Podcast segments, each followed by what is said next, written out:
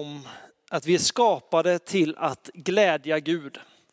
Eh, att allt vi är, det är någonting som väcker glädje i honom. Och hur vi kan få ställa oss på plats i en relation mot honom där vi säger att vi vill leva för att glädja dig. Eh, och sen gick vi in i smågrupperna och vi diskuterade så här, men vad kan vi konkret göra eh, för att se Jesus i andra människor? Eller vad kan vi göra för att om jag vill glädja Gud så om jag föreställer mig att det jag gör mot Mary, det är direkt mot Jesus. Eller jag ser Emil i behov och så kanske jag blir självisk i mitt hjärta, men om jag istället börjar tänka, tänk om det var Jesus som satt där uppe i ljudbåset. Vad kunde jag göra för honom? Bara för att leva våra liv praktiskt för att glädja Jesus. Och det är ett av de tydligaste buden Jesus ger. Det är att vi ska älska vår nästa. Så genom att älska vår nästa, genom att vara konkret mot människor vi möter och människor som finns runt omkring så glädjer vi Gud. Därför att de är skapade i hans avbild. Han har skapat dem för att vi ska betjäna varandra. Jesus säger själv att jag kom inte som herre utan jag kom som tjänare. Den som vill vara främst bland er ska tjäna de andra. En sån livsstil behagar Gud. Eh, och sen började vi prata i vår grupp då om hur gör vi det här konkret?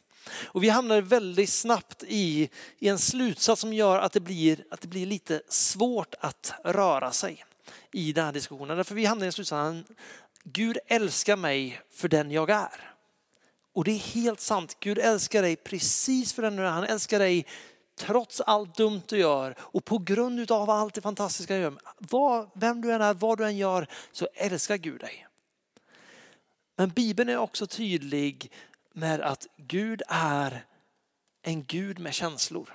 Gud är en Gud som vi kan ha en relation med. Det finns saker som vi kan göra som väcker vrede. Eller Som väcker sorg i hans hjärta på samma sätt som det kan växa, väcka stolthet, glädje när han ser på oss. Det är precis som i andra relationer att när vi förhåller oss till någon annan så får man ni vet, förhålla sig till den personen. Det är så lätt för oss att börja tänka att Gud är ett kärleksmål någonstans. Att Gud är abstrakt som bara är där och öser ut kärlek. Och Gud är kärlek rätt igenom. Gud är god rätt igenom. Men Gud är inte ett kärleksmål. Gud är inte abstrakt utan Gud är en person. Gud är någon som vi kan ha en relation med. Och faktum är att vi har blivit skapade för att ha en relation med honom. Och då blir det också så här, det är då vi måste börja fundera. Där kom projektorn, gött. Eh, det är då vi måste börja fundera, okej okay, men hur förhåller jag mig till den här personen som har skapat mig, som har skapat mig för att få vara i hans glädje och till hans glädje.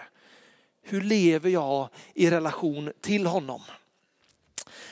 Och det står till och med så här i Bibeln att Gud kan vara avundsjuk. Det svenska ord som används är nitisk. Det engelska ord som ofta används är jealous. Att Gud, när Gud ser att vi vänder våra hjärtan till någonting helt annat så kan han, är det som att han står och ropar kom tillbaks till mig. Jag vill ha dig, jag vill ha mer av dig. Guds längtan är hela tiden efter våra hjärtan. Vilket gör att när vi vänder oss bort ifrån honom, när vi går och gör annat, då står han där och han ropar kom tillbaks. Kom tillbaks till mig. Ni vet berättelsen om den gode herden. Den speglar faderns hjärta. Sonen säljer allt, drar därifrån, lämnar pappan bakom. När livet är på botten så går han hem, han är skamsen och han kommer krypandes tillbaks. Vad gör pappan? Han säger, jag har längtat efter dig. Jag har längtat efter att få ta dig i mina armar igen. Det är den Gud som vi tjänar efter. Men det väcker någonting i Guds hjärta när vi vänder oss bort. Och det väcker också någonting när vi väljer att följa honom. Eh, jag har inte barn själv, eh, vilket jag är väldigt glad för för tillfället. Men jag hör så ofta Eh, föräldrar som, som säger, säger, min syster har, har en son, hon har två söner och jag får vara med och se honom växa upp. Och ni vet, när, när de tar sina, när de börjar krypa för första gången Eller de lär sig att sitta upp, eller de tar steg för första gången, eller första ordet man bara märker att de växer. Det händer, de lär sig. Det väcker någonting i föräldrarna, det väcker någonting i oss som står runt omkring. Och samma sak är det med Gud, när, när vi, Gud ser att vi lär oss att leva ett Guds rikes liv. När vi lär oss att leva det livet som vi var skapade från, från första början så väcks det en stolthet, en glädje, en, en kärlekskraft i Gud. Um, och det är här som vi måste börja lära oss. Okay, men om, vi, om jag vill komma nära Gud, om jag vill ha den här relationen med honom. Vad är det som får Gud att le? Vad är det som gör att Gud säger, men kom hem, vi går vidare. Och jag tror att det finns, det finns två platser framför allt i Bibeln där vi, där vi ser detta. Genom hela Bibeln så ser vi Guds karaktär, genom hela Bibeln så ser vi, eh, ser vi vem Gud är och vad han har för planer för sina barn. Men det finns två platser där för mig blir detta extra tydligt. Det ena är i skapelseberättelsen. Ni vet paradiset, när, när Gud på något sätt berättar att det här är vad jag skapade er till. Innan allt det där andra kom in och började göra det svårt att följa, innan det började bli svårt att leva tillsammans. Där ser vi på något sätt, okay, men det här är vad Guds tanke var, det här var vad Guds hjärta var. Andra platsen är Jesus. En man som är helt obefläckad av synd. En som lever precis så som Gud skapade oss att leva i relation med Fadern. Han blir vår förebild för hur ett Gudsrikes liv ser ut. Han blir vår förebild för vad det innebär att ha en nära relation med Fadern. Och det är de här platserna som vi ska gå lite till idag bara för att se det finns hur mycket som helst att tala om på det här temat. Som sagt, vi har en hel bibel och jag har inte tid att gå igenom hela den idag. Eh, men vi ska börja i de här två platserna. Vi ska börja i första Mosebok. Bara för att liksom se lite så här, men vad är det som, vad är det som målas upp? Eh, vi har dem på bild va Emil? Om vi får upp första Mosebok 2. Eh, ja. Vi läser härifrån och framåt. Detta är himlens och jordens fortsatta historia sedan det skapas, när Herren Gud hade gjort jord och himmel. Markens alla buskar fanns ännu inte på jorden och markens alla örter hade ännu inte vuxit upp. För Herren Gud hade inte låtit det regna på jorden och det fanns ingen människa som kunde bruka den. Men en dimma kom upp ur jorden och vattnade hela marken. Och Herren Gud formade människan av jord från marken och blåste in livsande i hennes näsa. Så blev människan en levande varelse. Herren Gud planterade en lustgård i Eden österut och satte där människan som han hade format. Och Herren Gud lät alla slags träd växa upp i marken, ljuvliga att se på och goda att äta av. Mitt i lustgården satte han livets träd och trädet med kunskap om gott och ont. Eh, jag kan bara börja med att se det. Andrew höll en predikan för ett par veckor sedan. Den ligger, den ligger online, det är bara att gå in och där han pratar om att vi är skapade för att arbeta. Vi är skapade för att bruka marken, vi är skapade för att vårda det som Gud har gett oss och make a living for ourselves, eh, som man säger på engelska. Eh, det finns någonting, än så länge i den här berättelsen så marken är inte svårbrukad mark, det finns in, det är ingen börda eller en plåga att bruka den. Och ändå skapas människan för att arbeta tillsammans med Gud. Vi kan ta fortsättningen på den eh, Mattias. Vi bara hoppar fram, vi hoppar över lite av beskrivningen av vart det här paradiset ligger. Så, så här från vers 15. Herren Gud tog mannen och satte honom i Edens lustgård för att odla och bevara den. Och Herren Gud gav mannen denna befallning. Du kan äta fritt av alla träd i lustgården. Men av trädet med kunskap om gott och ont ska du inte äta. För en dag du äter av det ska du döden dö. Herren Gud sa, det är inte bra för mannen att vara ensam. Jag ska göra en medhjälpare åt honom, en som är hans like. Herren Gud hade format alla markens djur och himlens alla fåglar av jord. Han förde fram dem till mannen för att se vad han skulle kalla dem. Så som mannen kallade varje levande varelse, så blev dess namn. Och mannen gav namn åt alla boskapsdjur, åt himlens fåglar och markens alla vilda djur. Men åt Adam fanns ingen medhjälpare som var hans like. Och sen kommer berättelsen om hur Eva skapas. Men det jag vill på något sätt bara måla upp bilden av här. Gud skapar en, eh, en trädgård, han skapar mannen och mannen och Gud har relation. Gud har skapat mängder med djur och han låter Adams kreativitet namnge alla djuren. Han säger kom Adam, se här har vi något stort grått med stora öron och en lång slang i ansiktet. Vad, vad vill du kalla den? Ja men det är väl en elefant. Eller här har du ett fläckigt djur med en jättelång hals. Vad kallar du den? Ja, mm, men det är nog en giraff. Det finns någonting här i, i, Guds, i Adams relation till Gud, att de går tillsammans i trädgården. Det står till och med konkret efter att de har ätit frukten att Gud kom gåendes genom trädgården. Vi skapades för att gå med Gud. Och i den platsen så får kreativitet flöda, fantasi får flöda, frukter i trädgården får växa fram och det sprudlar av liv. Det var på något sätt där som, som vi skapades. Det var där som visionen för människan låg. Att vara Gud och människa i relation. Gud skapade oss för att vi skulle kunna ha en relation med honom, för att ta del av hans kärlek. Och mitt i trädgården så sätter han två träd. Livets träd och trädet med kunskap om gott och ont.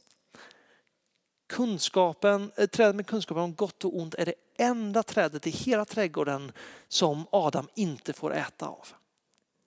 Gud sätter en gräns. Och det här är intressant. För efter att Adam och Eva har ätit av frukten så står det att Gud säger att nu har de kunskapen om gott och ont. De har alltså nu kunskapen att kunna välja det onda. Innan så har de det goda. De vet inte, man märker det i konversationen med ormen, man vet, de vet inte vad som händer om de äter av trädet med den här frukten. Men de vet att Gud är god. De vet att han ser till så att de har precis vad de behöver varje dag. Och de får vara i relation med honom. Det enda de behöver göra är att lita på Gud. Att om vi inte äter av det trädet så är allt annat till för oss. Vi vet historien.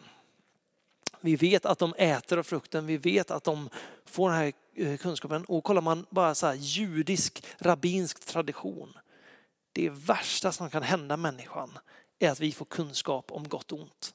De menar det att nu är det helt plötsligt upp till människan att avgöra vad som är rätt och fel. Och sen kollar man bara världens historia och ser att oj, vi har gjort många dumma val.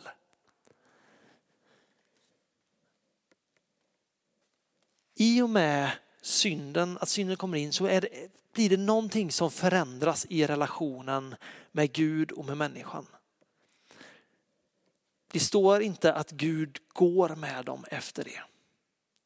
Utan det blir, en, det blir en separation och de försöker förstå vad det är som är Guds vilja. Och vi ser genom hela gamla testamentet så ser vi att de försöker och de lyckas, de försöker och de misslyckas. Och så finns det en mängd berättelser i den här boken som är, alltså när jag blir så här, wow det är sådana liv jag vill leva. När man på nytt får se människor som litar på Gud, vågar lyda det Gud säger och får se fantastiska saker och ting hända. Vi har Abraham, han bor i ett land långt borta.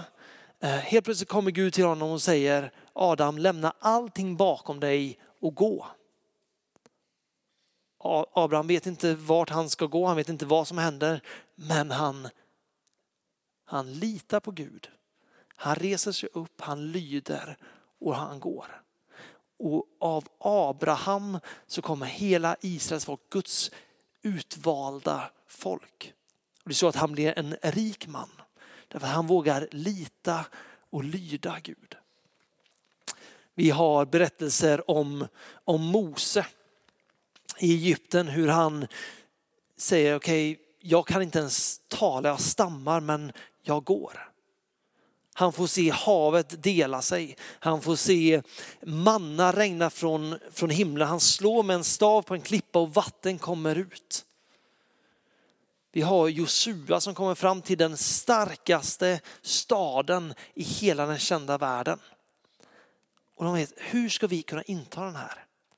Och det Gud säger, ja, jag vill att ni börjar gå runt den här staden. Runt, runt, runt. Och på sjunde dagen, när ni har gått sju varv, då ska ni ropa så högt ni kan. I mina ögon så är det den sämsta stridsplan jag någonsin hört talas om. Det finns till och med en sång av Jerusalem som heter It's mad, eller det är galet. Att knalla runt en mur, skulle det vara från Gud? Sjunger de. Det är koko. En sån befallning. Men Josua Lita på Gud. Han förstår inte, tror jag inte i sådana fall har en väldigt bra fantasi.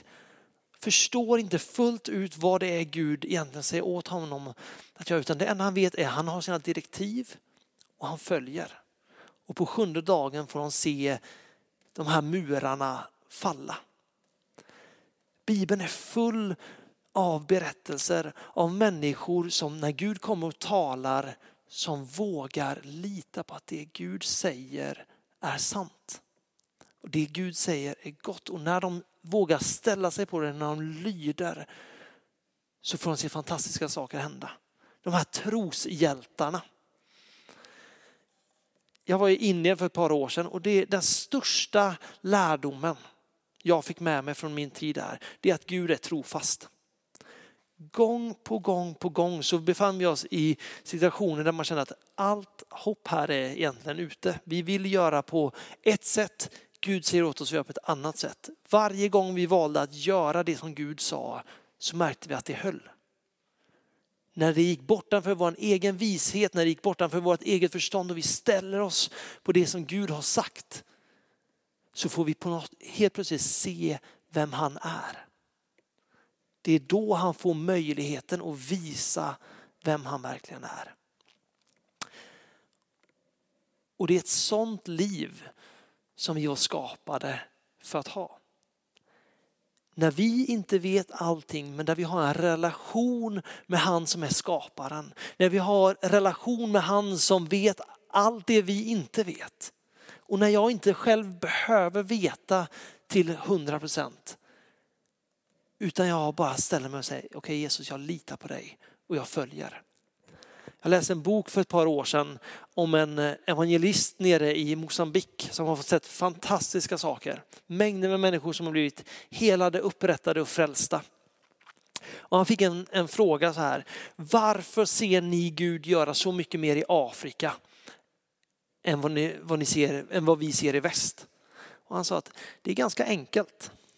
När vi i Afrika hör sanningen så tror vi på sanningen och följer sanningen. När ni i väst hör sanningen så ifrågasätter ni sanningen, granskar sanningen innan ni vågar lita på sanningen.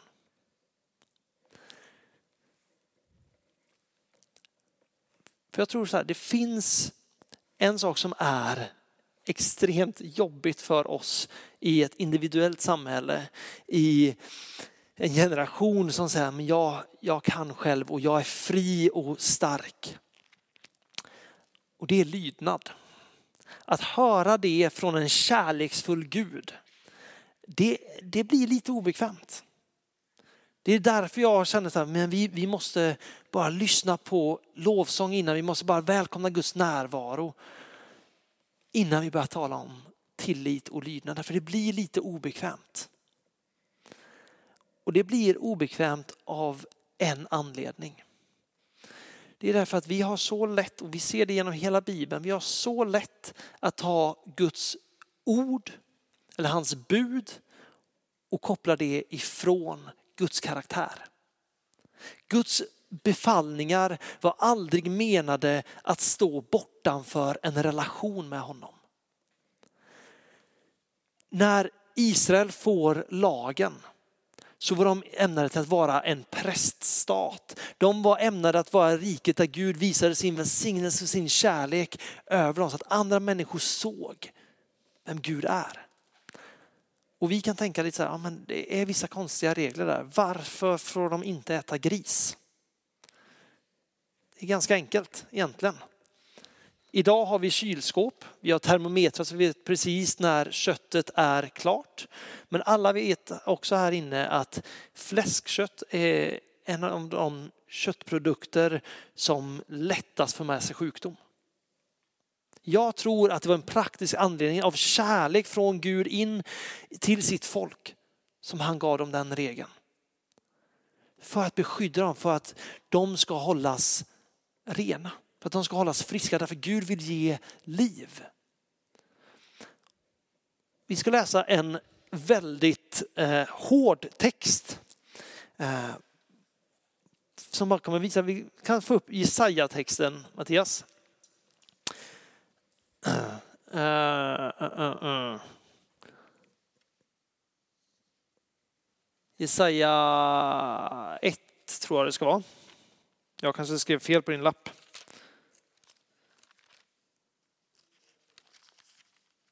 Vi kör den eh, så här istället. Jesaja 1 för er som har biblar.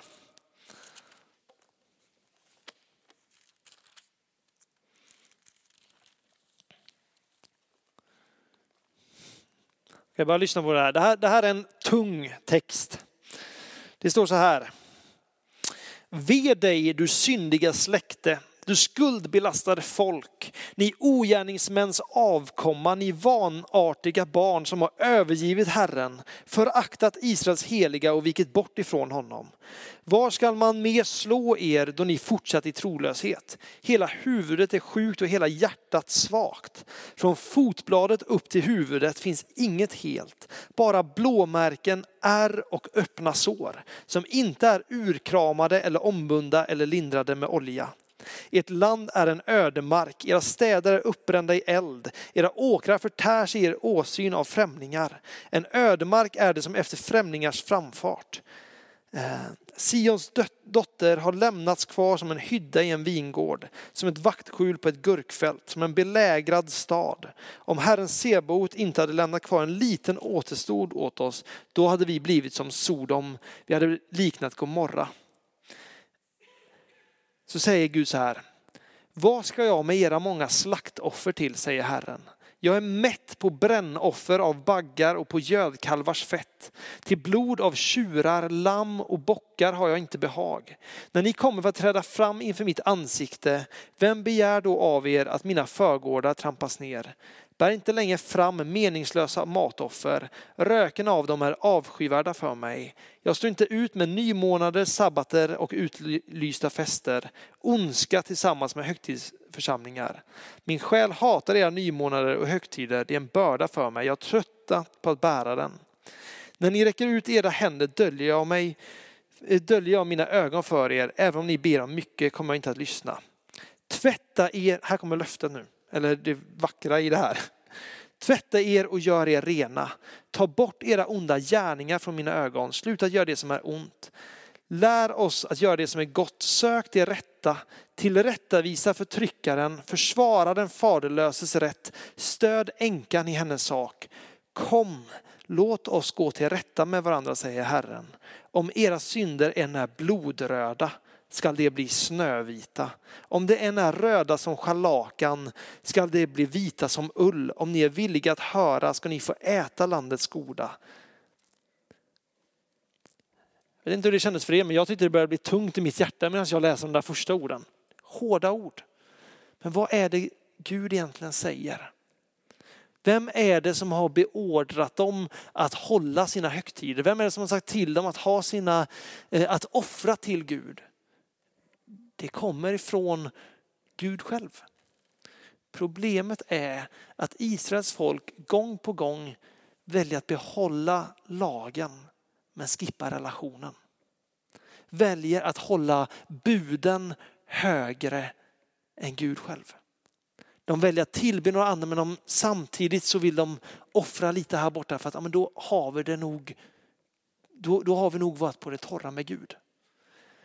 Vi var skapade för att ha en relation med honom. Vi var skapade för att känna honom hjärta till hjärta. Och det är på de platserna, när vi går tillsammans med Gud, det är då som vi börjar förstå att de bud han ger oss, sättet som han talar till oss, sättet som han verkar i och med oss, är goda. Vi har Jesus som är den andra platsen där vi verkligen får se Guds ursprungstanke. Jesus säger själv att jag känner Fadern och Fadern känner mig. Jag gör bara det jag ser Fadern göra. Jesus är fri när eh, rabbinerna eller de, de skriftlärda kommer och säger du får inte hela på sabbaten. Så vet han Faderns hjärta. Han vet att det var aldrig därför Gud gav ordet, eh, det budet. Att ni ska inte jobba på sabbaten. Det var aldrig för att inte hjälpa den fattige. Men de här rabbinerna de har valt att hålla upp det här högre än människan. Men Jesus som går med Gud, som ser vad Fadern gör, som hör han tala. Alla blir förundrade över hans godhet, över hans auktoritet och över hans kraft. Och Jesus säger någonting som är oerhört radikalt och som är ytterst viktigt för oss även idag. Johannes 14 texten Mattias.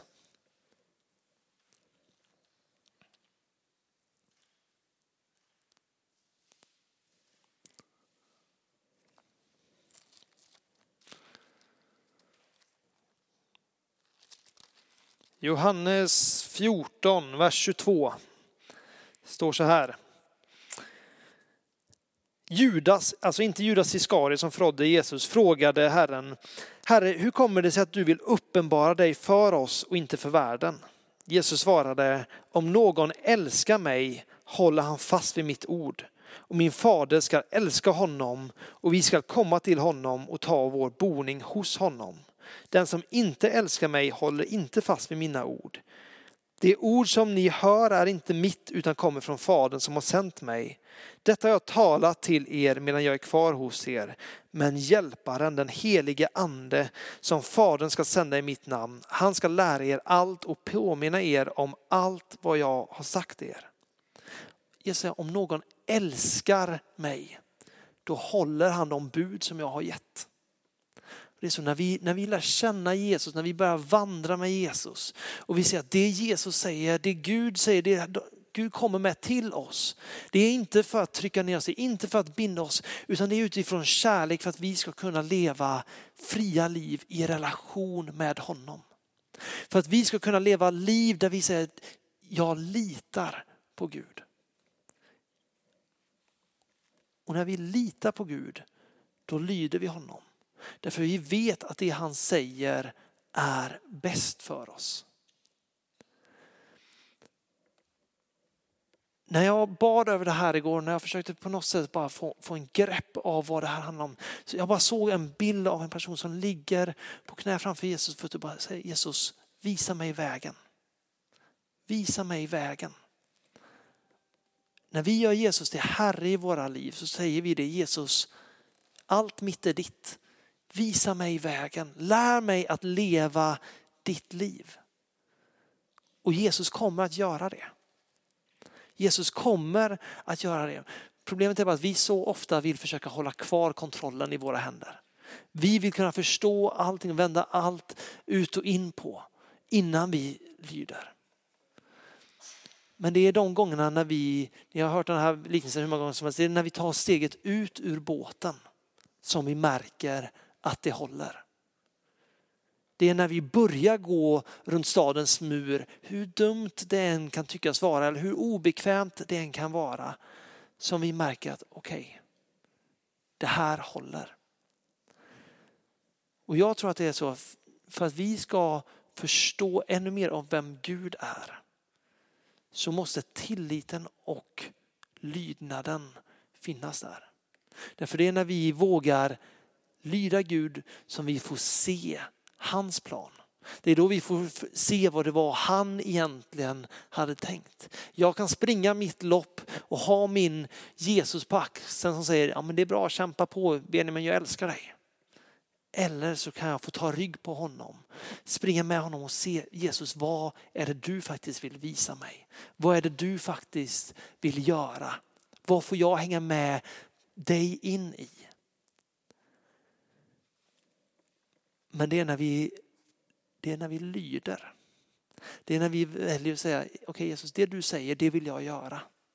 Precis som det var för mig i Tanzania, inte i Tanzania utan i Indien. När jag vågar, när Jesus säger någonting och man ställer sig och man håller det, då som man börjar inse, wow, Gud är trofast. Gud är god. Men om jag tar ett steg bort ifrån relationen och bara ser på vad, gå ut och vinn människor. Så tänker man, ja, men det känns lite obekvämt för mig, det vill jag inte göra. Men när jag kommer in i relation med Jesus och Jesus bara kanske säger, Benjamin prata med den här människan, säg hej till den här människan. Och jag gör det så helt plötsligt bara öppnas upp. Jag tror jag har berättat den, om den kvällen när vi spelade biljard i London. Va? Snabb recap, kanske någon som inte har hört den. Vi skulle spela biljard i London, jag och ett par kompisar. Eh, det finns en regel på engelska pubbar att om någon lägger ner ett pund så spelar de nästa match. Medan vi står och spelar så kommer en jätteotrevlig och jättestor och biffig kille fram och lägger ner ett pund. Och vi tänker okej, okay, vi spelar klart snabbt och så sticker vi vidare. Och så går vi därifrån och han ropar, kom, kom tillbaka, här, någon av er måste spela med mig. Så vi skickar fram den minsta killen vi hade och han går fram och spelar. Och medan vi sitter och skrattar åt min kompis så kommer den här otrevliga killens ännu större vän fram. Och, han sätter sig, och så fort han sätter sig så är det bara på något sätt, jag bara känner i mig, okay, men Gud vill göra någonting här. Jag vet inte vad, jag vet inte hur, men Gud vill göra någonting. Och det enda vi gör är att vi börjar prata med den här personen. Och det leder till att han ställer frågan, varför är ni i London? Och jag fick berätta, men vi har gett ett år till den här eh, kyrkan för att komma närmare Jesus. Och vi, vi har varit runt och vi har fått be för människor och sett dem helade. Då ställer han sig upp med sin fulla storlek och bara säger, bra då kan ni hela mig också. Han hade en nerv i ländryggen som var klämd, vilket gör att hela hans vänsterben var avdomnat, förutom i hans fot, han har en sån här nypande smärta. Vi tänker, okej, okay, här vill Gud göra någonting. Så vi ber för honom 20-30 sekunder och hela hans ansiktsuttryck förändras. Han bara, jag kan känna mitt ben. Det gör inte ont i foten längre. Den kvällen, vi, puben stängde klockan 11, vi var kvar till klockan 1 och vi spelade biljard med de här killarna och vi fick berätta om Jesus för de här. Och han var liksom här, jag är bilmekaniker, om ni någonsin har problem med bilen, kom till mig så fixar jag det för er. Jag var där ett år senare och det första som hände när jag kom in i, på den här puben är att han kommer fram och berättar för sin kompis att för ett år sedan så bad de för mig i Jesu namn och jag blev helad. Vi gick därifrån den kvällen och bara så här, vad hände? Vi gick dit bara för att ha en god stund tillsammans. Och så bara Jesus gör den här lilla ut, utmaningen. Jag vill göra någonting här. Det var inte någonting som vi sökte, det var inte någonting vi pushade. Det var inte så att vi hade tänkt att nu ska vi gå ut och evangelisera. Utan vi bara var Jesus, okej okay, du vill göra någonting här, vad är det? Och hela den här kvällen förvandlades. Och det blev antagligen en av de bästa kvällarna vi hade på den puben under ett års tid. Och vi fick se Gud göra någonting konkret. För det är när vi börjar lita på Gud som vi börjar få se de stora sakerna hända. Det är då vi får börja leva ett liv där vi får se hans rike bryta igenom. När allt det som han har kallat oss till, allt det goda han har lagt ner i oss för ett syfte, det är då det börjar blomma upp. Men för att vi ska lära oss att lita på Gud då måste vi våga, våga börja lyda Gud. När Gud talar, även om vi inte förstår, även om det känns obekvämt, att bara säga, okej okay, Gud om, om du säger, då tänker jag pröva. Och det är när vi prövar som vi märker att det håller. Och det är då sen som vi kan komma och vara, wow, Gud är trofast. Lydnad är ett obekvämt tema för oss. Men när vi vet vem Jesus är, när vi lär känna honom, så inser vi att när vi lyder honom så händer det bästa möjliga. När vi litar på honom så får vi se det omöjliga blir möjligt. Jag vill inte vara någon som sitter på avbytarbänken och hejar på när andra gör det. Jag vill se Gud verka genom mitt liv. Men då handlar det om att jag faktiskt börjar gör mig beredd att hoppa in när Jesus säger att kom igen, nu är det din tur. Lydnad är viktigt i relationen med Gud. Därför det är då som vi reser oss upp och börjar gå med honom. Det är då han kommer fram och säger Kalle, nu är det din tur att namnge de här djuren. Nu är det din tur att vara kreativ och skapa någonting nytt. Guds lagar, Guds bud var aldrig menade att vara påbud som bara säger, ska trycka ner oss, gör inte det här, gör inte det här, gör så här.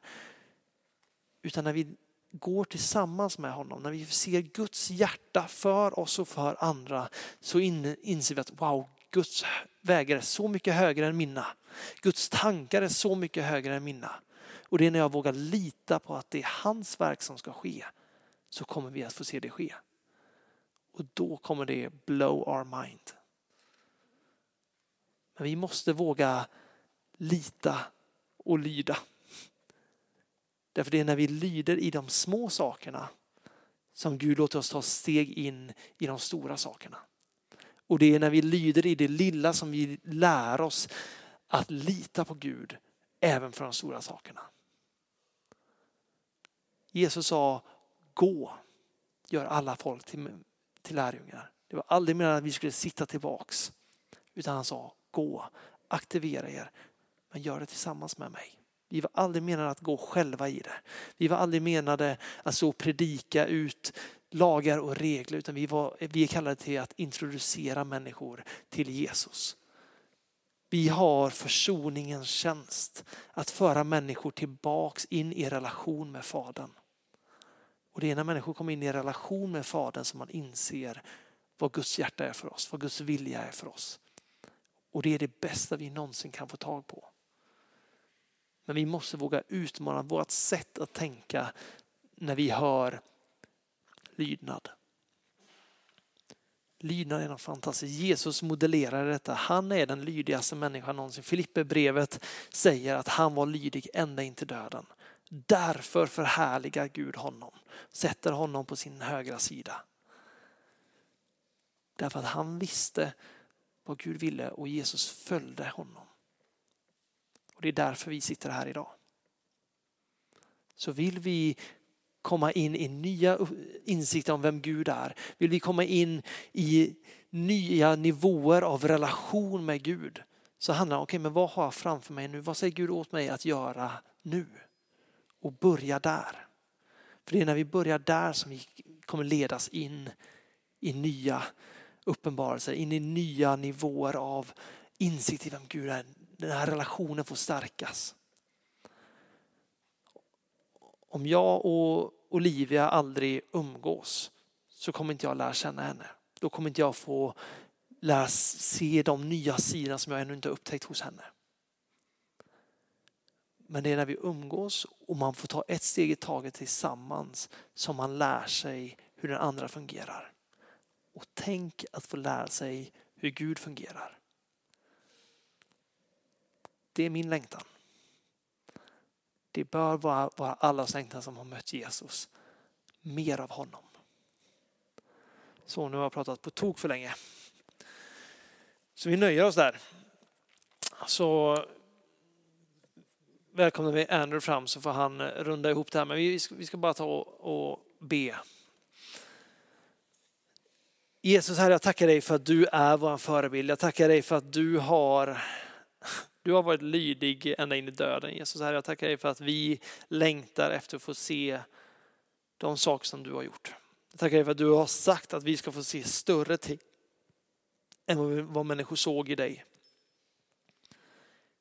Så hela Ande, vi ber dig kom och utmana oss. Utmana oss i vårt vardagsliv. Visa oss områden där vi får följa dig in på nya äventyr. Där vi får lära oss att ditt ord håller. Där vi får lära oss att, att du är trofast Jesus. Ge oss modet att följa. Mm. Tack Jesus.